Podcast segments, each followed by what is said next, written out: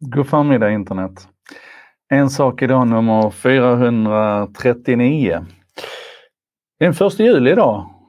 Betyder väl officiellt att vi är inne i sommar och semestertider. Härligt, då hoppas jag får mycket tid över för att hinna göra sådana här tillsammans med er. Eh, idag ska det handla om det här med personlig integritet och data igen och den utlösande faktorn är inte sommarprataren, numera känd som eh, Klarna-avhopparen, utan anledningen är att Nilrod på Twitter gjorde ett GDPR-utdrag ifrån Klarna och eh, han berättar lite grann om sina findings där. Och den här storyn den är ungefär så som vi har vant oss vid att den ska se ut vid det här laget. Först så blir man eh, förfasad kan vi väl säga över hur mycket data det här handlar om, att man får 320 sidor. Eh, Sen kan man också då konstatera att Nilrod i det här fallet eh, berättar ju att han själv är ganska noga med att försöka kryssa bort Klarna överallt där han kan och kryssa bort att man ska spara så lite information som möjligt. Och ändå blir det 320 sidor. Och I det här postar han sen då lite skärmdumpar, jag kan lägga en länk naturligtvis, där man kan se att man via det här utdraget kan se vilka vinsorter han har handlat för att någon e-handlare har levererat in det i datat.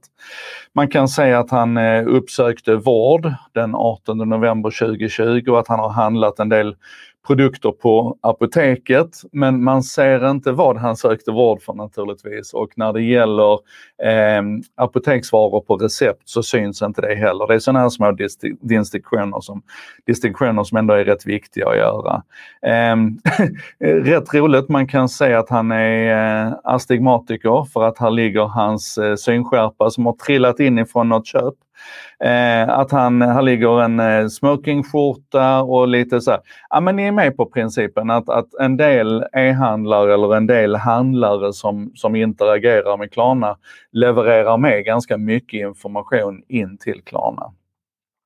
Och då är det ett antal saker här som, som vi behöver kanske försöka hålla i huvudet och diskutera samtidigt. Och, och då säger jag igen så här för 2000 gången att jag är väldigt intresserad av personlig integritet och att vi ska få lov att, att hålla på våra data och sådär. Men ur Klarnas perspektiv så är det helt uppenbart varför man gör det här, vad som är skälet till att man vill samla in den här datan. Ehm, det här kan ju, de, de säger ju själv så för att ge dig en bättre shoppingupplevelse, men det är klart att, att data är ju hård valuta för dem naturligtvis, precis som för alla andra företag som har med data data att göra. Ehm, det andra det är kanske då att det känns ändå som att även om en del data för mycket läcker in i det här så försöker man ju hantera det här på ett, skulle jag säga, relativt ansvarsfullt sätt. Jag tycker nog att det finns andra skäl att vara kritisk till Klarna än just deras datainsamling eh, hur man, en, betalningspåminnelser och, och påminnelseavgifter så där verkar vara en bärande del av, av den, den affärsmodellen man arbetar med. Så, det, som sagt, det finns gott om skäl att vara, vara kritisk till Klarna. Jag är inte säker på att det här är ett av dem. Och rent allmänt så den, den tredje funderingen här det är tillbaka till det här igen att vi är väldigt bekymrade för hur mycket data som samlas inom oss istället för att vara väldigt fokuserade på hur den datan kan miss missbrukas och, och, och um, hur den kan användas på sätt som, som arbetar mot oss. Och då finns det ett typiskt exempel här i den här tråden ifrån Nille och det är en bit ner när man kommer fram till det som heter avyttringar och så vidare. Alltså om, om Klarna säljs så kommer ditt data att följa med och i det läget har du ju verkligen då tappat kontrollen över din uppgörelse med Klarna. Eh, det kan ju vara ett företag som du absolut inte är intresserad av som köper ditt data.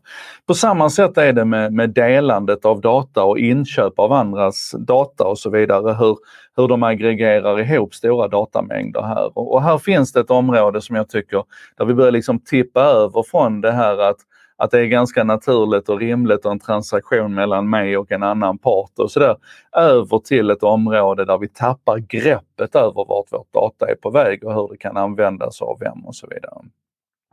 Jag vet inte om ni har sett DuckDuckGo har ju haft en stor kampanj nyligen, den här alternativa sökmotorn, där man går ut i stora utomhusreklamer och så vidare och säger att om du är trött på företag som säljer din data, använd oss istället.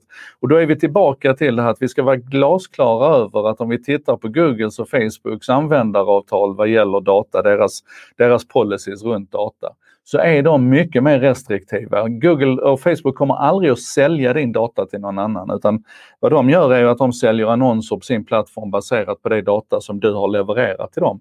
Och där är ju då en väldigt rak överenskommelse, väldigt tydligt. Så att jag tycker som vanligt att Klarna är mer bekymmersamt än vad Facebook och Google är. Men jag tycker ändå att Klarna är ganska öppna med hur man gör det här och, och då, då är vi liksom i, i, i den här frågeställningen istället. Ska man, som jag sa i En sak idag nummer 92 när vi pratade om Tinder, när den här eh, franska journalisten hade fått ut 800 sidor om sig själv från Tinder. Det är väl helt självklart att Tinder samlar på data om dig, precis som det är helt självklart att, att Klarna samlar på data om dig. Så att vad jag tror att vi egentligen behöver fokusera på här, det är det som det norska datatillsynet så fint eh, pratade om i sin rapport ifrån 2018, heter insynsrapporten. Och jag ska skicka med den också. Där man kan se hur företag där vi kanske inte är lika för, där det inte är lika uppenbart att det sker en stor datainsamling. Som Schibsted till exempel då, på den här personen som de begärde ut data på här så fanns det 7 miljoner datapunkter hos Schibsted. Och det är kanske inte det första vi tänker på när vi, när vi läser en tidning eller konsumerar medier, att de också samlar på sig oerhört mycket data om oss och ibland väldigt mycket mer data än vad de kanske behöver.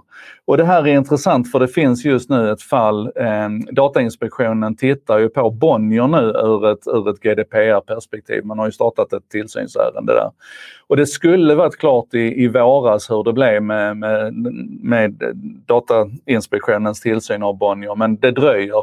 Eh, jag hörde av mig till dem och det senaste beskedet jag fick var den 15 juni då. Då sa man att, att ärendet är fortfarande under bearbetning. Så att vi vet inget mer om det här än så länge. Men summa summarum, eh, jag lägger en länk till den här tråden ifrån Nilrod för att det är alltid intressant tycker jag att, att titta på det här och, och fundera på det. Men jag tycker att vi också ska vara lite restriktiva med både förvåningen och upprördheten för att för ett företag som Klarna så är det ju helt självklart att det här är ett område man jobbar med.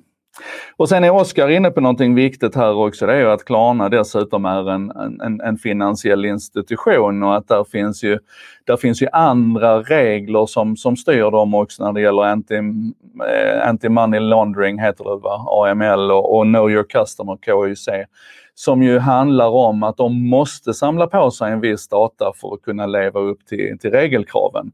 Där är ju Tinder i en helt annan dimension och igen Bonnier och Schibsted är i en alldeles egen dimension här också skulle jag säga. Men det viktiga här det är som vanligt att vi, att vi tar några djupa andetag, funderar över vad vi gör och att vi verkligen liksom funderar på vilka är de riktiga riskerna här. Så att vi inte får för oss och, och kasta ut den här babyn med badvattnet utan eh, ja, vi behöver klura lite på detta. Jag lägger länken till Nilrod och så håller vi den här diskussionen levande precis som vanligt. En sak idag nummer 439. Imorgon är det lite halvjämnt, 440. Hoppas vi ses då.